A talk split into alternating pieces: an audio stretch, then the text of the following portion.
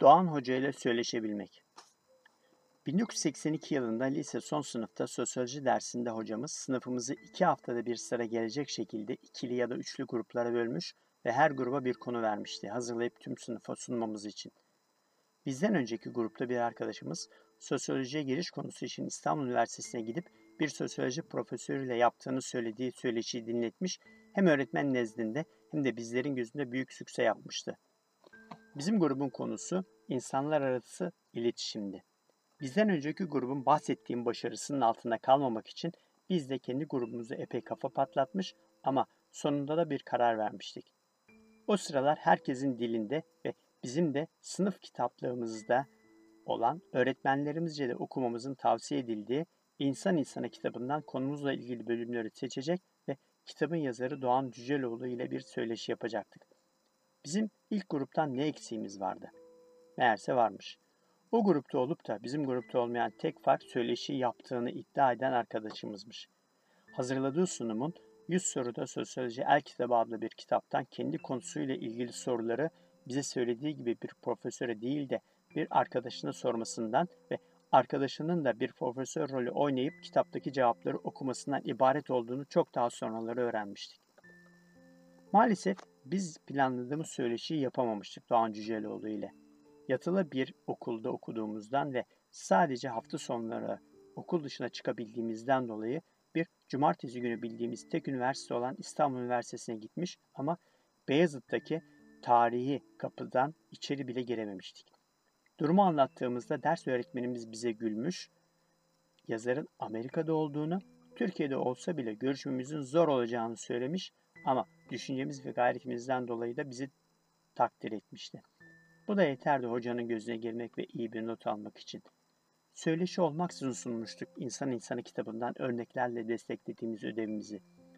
O kitaptan aklımda Cüceloğlu Hoca'nın insanın kendisi ve çevresiyle olan iletişimi esnasında karşılaştığı sorunları örneklerle tatlı tatlı anlatması kaldı ve bir de öğrencisi olan Üstün Dökmen'e ait ezberlediğim şu güzel şiir. Yola çıkınca her sabah bulutlara selam ver. Taşlara, kuşlara, atlara, otlara. insanlara selam ver. Ne görürsen selam ver. Sonra çıkarıp cebinden aynını bir selam da kendine ver. Hatırın kalmasın el gün yanında. Bu dünyada sen de varsın. Üleştir dostluğunu varlığa. Bir kısmı seni de sarsın.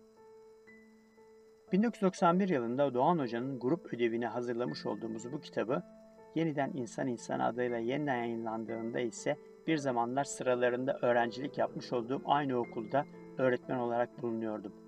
Yaptığım ilk iş kitabın girişinde bulunan yukarıdaki şiiri öğrencilerimle İngilizce çevirmek ve de öğretmenler odasındaki panomuzda öğretmen arkadaşlarımla paylaşmak olmuştu.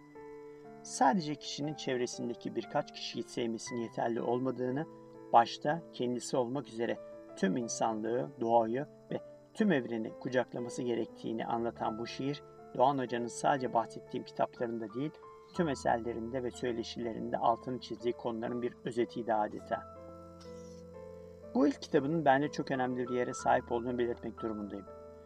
Günlük olay ve durumları örneklendirerek dikkatle okuduğumda aralarında kendimden de parçalar bulmamı sağlayan bu kitabı hocanın diğer kitapları takip etti. Mümkün olduğunca takip etmeye çalıştım eserlerini. Yıllar sonra dostum Zafer'in hediye etmiş olduğu ve görme özürlülerin dünyasına bir ışık olabilmek için tüm hayatını feda eden Gültekin Yazgan ve eşini anlattığı Onlar Benim Kahramanım kitabı da önemli aşamalardan biri oldu Doğan Hoca'yı anlayabilme sürecimde. Ara sıra ziyaret ettiği ve benim de çeşitli gönüllülük çalışmalar yaptığım Türkiye Görme Özürler kitaplığında hoca ile karşılaşmamız ve sohbetimiz de hayatımın unutamadığım anlarından biridir. O kadar uğraşısı arasında görme özürlüleri de vakit ayırması onun derdi olan bir insan olduğunun ispatıydı. Yarım saat kadar süren sohbetimizde ufuk açıcı fikirlerini dinleme fırsatı bulmuştum. O kısa süre zarfında bile hemen hemen tüm kitapların ana fikri olan yaşamımızı korku kültürü yerine sevgi kültürünü temel alarak inşa etmek düşüncesini içselleştirdiği belli oluyordu.